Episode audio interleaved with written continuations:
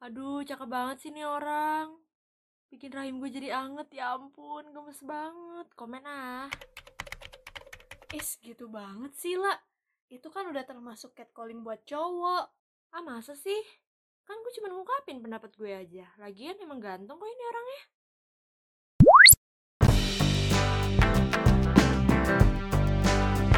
Welcome to Wipot, Woman Eyes Podcast. Balik lagi nih pastinya bareng gue Reta di episode 3 Wipot, Woman Eyes Podcast.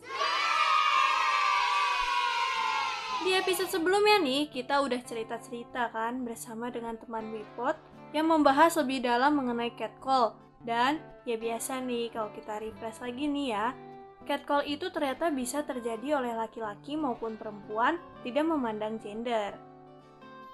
Teman Wipo, sesuai dengan opening awal tadi, di episode 3 ini kita bakal ngomongin tentang catcalling lagi nih, tapi dari pandangan laki-laki. Sebenarnya, laki-laki tuh bisa loh jadi korban catcalling ini. Iya, bisa. Apalagi nih ya, kalau laki-laki itu memiliki muka yang cakep, badan yang bagus, senyum yang bikin meleleh, yang pokoknya idaman banget deh buat dimilikin. Biasanya laki-laki yang memiliki sifat tersebut rentan juga nih dapat catcall dari perempuan. Tapi nih, menurut Mojok, perbedaan catcall antara perempuan dan laki-laki berada pada lokasi. Iya, lokasi di mana perempuan biasanya sering terjadi di tempat umum dan jalan raya, sedangkan catcall pada laki-laki terjadi di dunia virtual.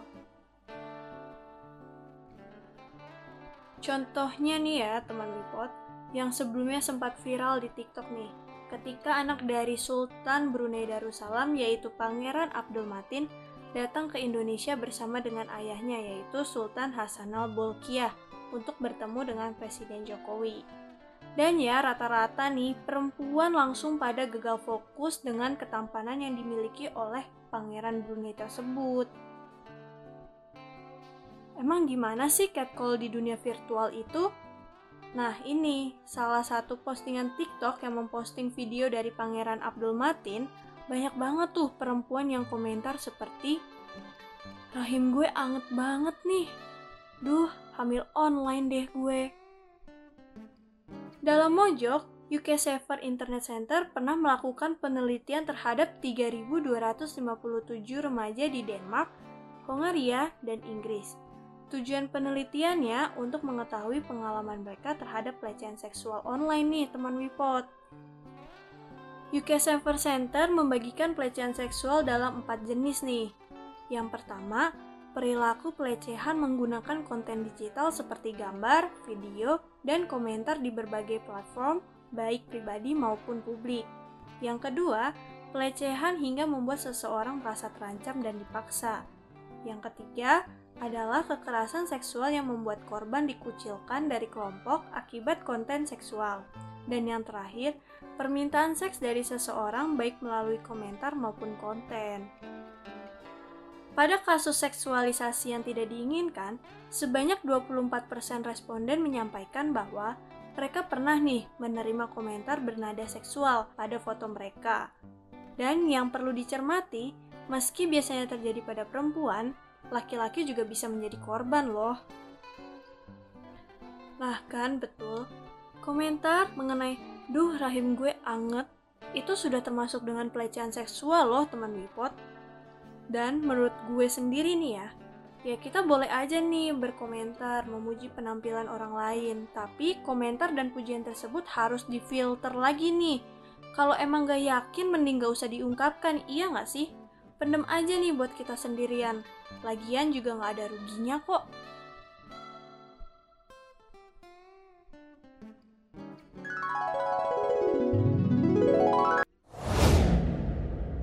Nah, sekarang gue udah bareng Matthew Stefanus nih yang merupakan mahasiswa sipil tingkat akhir di Universitas Swasta di Jakarta yang bakal nemenin gue bincang-bincang santai di episode 3. Halo Matthew!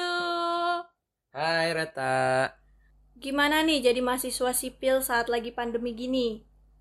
Eh, uh, gue sekarang kan berhubung gue mahasiswa sipil ya, gue tuh lagi magang di salah satu proyek di Bintaro. Gue kasih tau aja ya, di proyek Bintaro Exchange yang tahap 2 tuh yang lagi dibangun sekarang ini. Buat mall ya? Iya, begitulah. Pandemi gini tetap produktif ya, magangnya tetap di lapangan ya? Oh iya, kalau di proyek itu emang nggak ada yang namanya libur atau gimana ya. Mungkin kemarin tuh sempat ada kasus uh, di lockdown itu proyeknya gara-gara ada yang kena waktu itu kan. Cuman kalau udah berjalan normal lagi ya udah, anggap aja kayak udah lanjut lagi supaya nggak ada kerugian-kerugian gitu loh, kira-kira.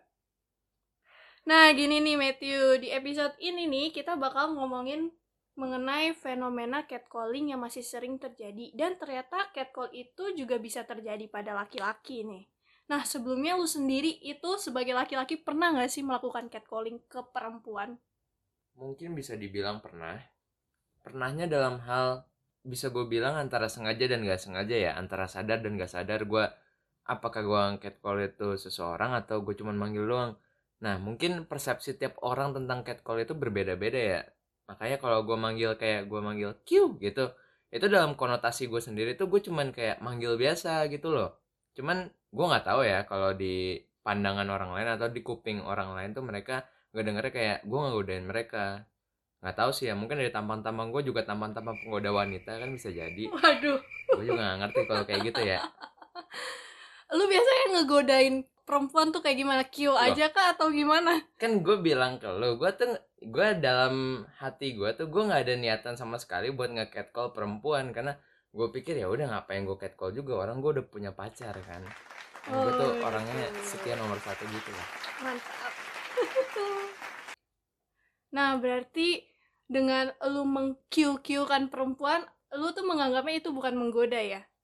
Dari niatan gue sendiri tuh bukan menggoda. Jadi contohnya kayak kalau gue gue nge-Q-Qin kayak gitu tuh bukan cuman ke perempuan doang ya. Jadi kalau kayak temen gue ada yang cowok gitu tapi jauh nih jaraknya. Kalau gue manggil biasa kan kagak kedengeran tuh. Kalau Q gitu kan kayak uh gila nancep banget di kuping kan. Bisa langsung nengok orangnya nah kadang kalau cewek yang gak gue kenal juga mau gue panggil ya udah gue teriakinnya kayak gitu aja atau mau gue tepok tanganin gitu kan biar mereka noleh tapi gue nggak tahu dalam telinga mereka tuh mereka nganggapnya tuh kayak gimana gitu loh oke Nih, sesuai dengan bahasan awal nih ya.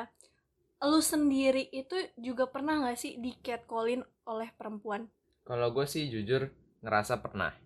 Pernah. Gimana tuh ceritanya? Dan reaksi lu apa pas lu lagi di catcallin perempuan tuh? Uh, gue tuh nganggep diri gue kena catcall tuh ya pas gue waktu itu lagi di jalan pokoknya gue inget banget lagi di perempatan Gaplek kalau lu pada tahu tuh di Pamulang Tangerang Selatan ya lagi di perempatan Gaplek dulu pas gue zaman zaman baru masuk masuk kuliah lah udah rada kurusan dikit dulu kan gue gembrot banget kan lu tahu kan nah ya kan gue pas udah mulai kurus kurusan dikit tuh udah mulai ganteng tuh. Gak tau sih gue merasanya sih gue gantengan dikit lah ya.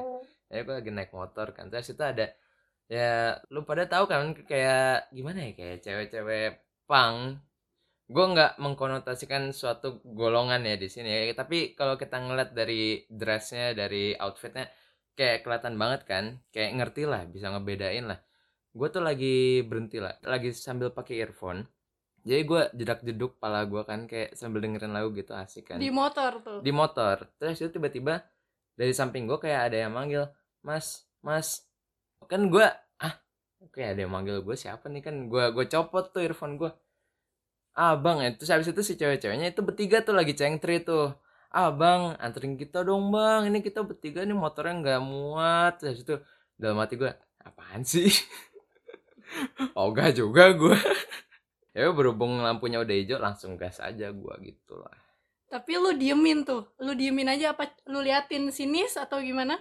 Gue bukan ngeliatin sinis ya. Gue gue tipikal orang yang matanya tuh nggak bisa ngeliatin orang secara sinis. Soalnya mata gue tuh turun ke bawah. Jadi gue cuma ngeliat kayak kebingungan hah? Kenapa sih? Ya emang gue ganteng sih cuman ya udah lah biarin aja dulu. Aduh narasumber yang ketiga ini sangat-sangat pede ya teman Wipot hmm berarti lu tipikal yang ngediemin aja ya ngeliatin itu cewek-cewek pang itu tanpa memberikan respon ya? Terus nih uh, setahu gue bukan setahu gue sih jadi gue baca dari internet dibilang kalau misalnya catcall yang terjadi pada laki-laki itu biasanya terjadi di dunia virtual, sedangkan lu sendiri ternyata di jalanan di tempat umum juga terjadi. Nah, lu sendiri pas di dunia virtual itu, lu pernah nggak sih dapat catcall? Kalau di dunia virtual sendiri, gue tuh tipikal orang yang nggak suka mengumbar tentang diri gue sendiri. Jadi kalau lu ngeliat di sosmed gue ya udah, gue juga kalau Instagram private, kalau lain udah nggak gue pakai sekarang. Jadi gue pakai WhatsApp doang, Facebook nggak pakai, Twitter nggak pakai. Jadi nggak pernah sih gue dapet catcall secara virtual gitu ya. Berarti lu sendiri tuh nggak pernah ngedapetin catcall dari dunia virtual ya? Jadi secara langsung tuh ngedapetinnya. Nah, tapi kan eh, masyarakat taunya nih ya, kebanyakan korban dari catcall itu adalah perempuan dan laki-laki itu merupakan pelaku yang melakukan catcall tersebut. Gimana nih tanggapannya menurut lu dari sisi laki-laki yang selalu dicap sebagai pelaku dalam melakukan catcall? Padahal laki-laki juga bisa mendapatkan catcall. Ah, gini deh. Jadi emang kondisi di Indonesia sekarang tuh masih belum bersahabat ya buat kesehatan mental lah kalau bisa gue bilang belak-belakannya. Karena dari equality-nya aja masih kelihatan kan perbedaannya. Cewek-cewek masih nganggap kalau cowok-cowok itu adalah pelaku catcalling, pelaku raping. Padahal yang gue tahu juga cewek itu juga bisa loh memperkosa laki-laki. Tapi di stigma yang beredar di Indonesia tuh laki-laki tuh menjadi apa ya? Menjadi tokoh utama yang melakukan hal-hal negatif tersebut. Jadi kalau bisa gue simpulkan sekarang ini ya, jadi laki-laki tuh nggak selalu yang menjadi pelaku catcalling itu, tapi juga bisa jadi korbannya. Salah satunya kayak gue, walaupun emang terkesan kayak biasa-biasa aja gitu loh. Apalagi kalau gue emang gue tuh kayak nganggepnya tuh kayak biasa-biasa aja kayak ya udahlah biarin aja angin lalu. Nah cuman gue nggak tahu kalau buat orang lain yang keadaan mentalnya bisa gue bilang lebih terganggu lah. Kan ada ya kayak orang yang terlalu introvert gitu. Lu bayangin orang terlalu introvert lagi keluar lagi mau beli makan atau mau ke KFC atau mau ke mana gitu tiba-tiba digodain kan sama cewek-cewek gimana perasaan lu? Gue gue juga gue juga tahu kalau cewek-cewek digodain tuh kan gak enak. Nah gimana kalau kita balik lagi? Kalau ada cowok yang benar-benar introvert gitu yang benar-benar nggak bisa digangguin lah tapi tiba-tiba digodain kan kayak kasihan juga Oke oke. Tapi menurut lu sendiri nih, kenapa sih para laki-laki itu melakukan catcall? Apakah karena iseng aja atau emang sengaja mau melakukannya atau gimana menurut lu? Kalau menurut gue ya, kalau sepandangan gue sendiri, laki-laki tuh nggak pernah catcall perempuan kalau dia lagi sendiri. Jadi bisa gue simpulin ya, kira-kira laki-laki tuh ngelakuin catcall tuh buat apa? Salah satunya unsurnya tuh buat istilahnya ngehibur temennya sendiri. Contohnya kayak gue pernah ngerasain langsung ya di proyek gue yang di BXC sekarang ini. Jadi waktu itu tuh ada teman magang gue juga. Cewek berdua. Dan dia dari mereka dari UB seingat gue kalau nggak salah ya. Nah mereka tuh emang jarang turun ke lapangan gitu loh. Jadi sekali yang mereka turun ke lapangan waktu itu tuh kondisi lapangan lagi sepi. Kerjaan tuh lagi dikit lah istilahnya bener-bener lagi sunyi senyap lah. Pas mereka lewat dari ujung sampai ujung tuh bener-bener yang namanya tukang mandor segala macam tuh nge call mereka semua. Itu pertama kali gue ngeliat call yang benar-benar abis-abisan itu. Untungnya mereka ya udah mereka bodoh amat gitu loh pas gue tanyain.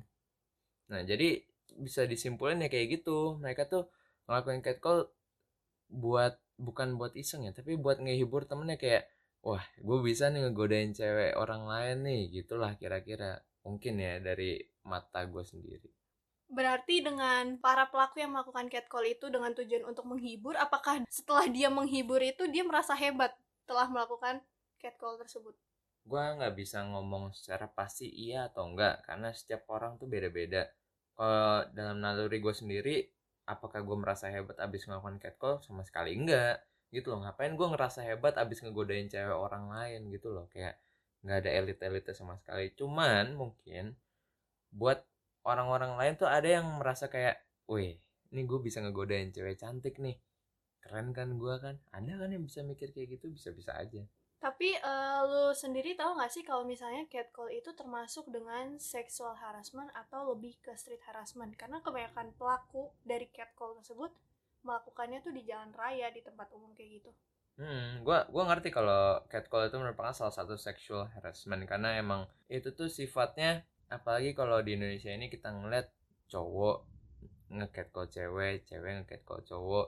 Itu kayak nyerang mental dan psikis pribadi orang masing-masing sih kalau menurut gue jadi dari situlah bisa kita simpulkan itu sebagai salah satu harassment itu sendiri Nah, mengenai hal tersebut berarti nih sebenarnya masyarakat tuh masih bersikap tidak peduli mengenai catcall tersebut nih ya. Karena melakukan catcall tuh hanya awalnya tuh untuk menghibur dan iseng mungkin. Padahal yang diisengin bisa saja merasa tidak nyaman ya kan? Hmm, totally 100% correct. Nah, berarti menurut lu sendiri seharusnya tuh masyarakat harus lebih diberitahu mengenai seksual harassment, mengenai dampak dari catcall tersebut nggak? Ya bisa dibilang kita harus menyadarkan kembali masyarakat.